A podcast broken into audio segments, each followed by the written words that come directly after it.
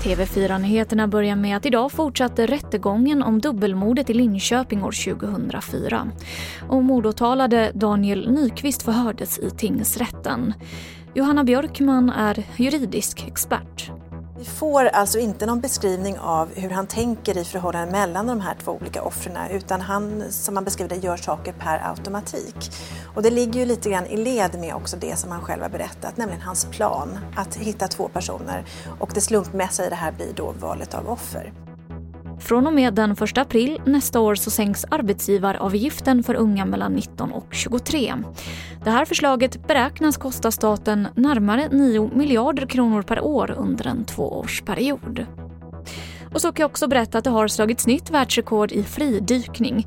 På ett andetag så höll sig fransmannen Arnold Gerald under ytan i 3 minuter och 24 sekunder. Och han lyckades på den tiden ta sig till ett djup på 112 meter. Och det är en meter djupare än det tidigare världsrekordet.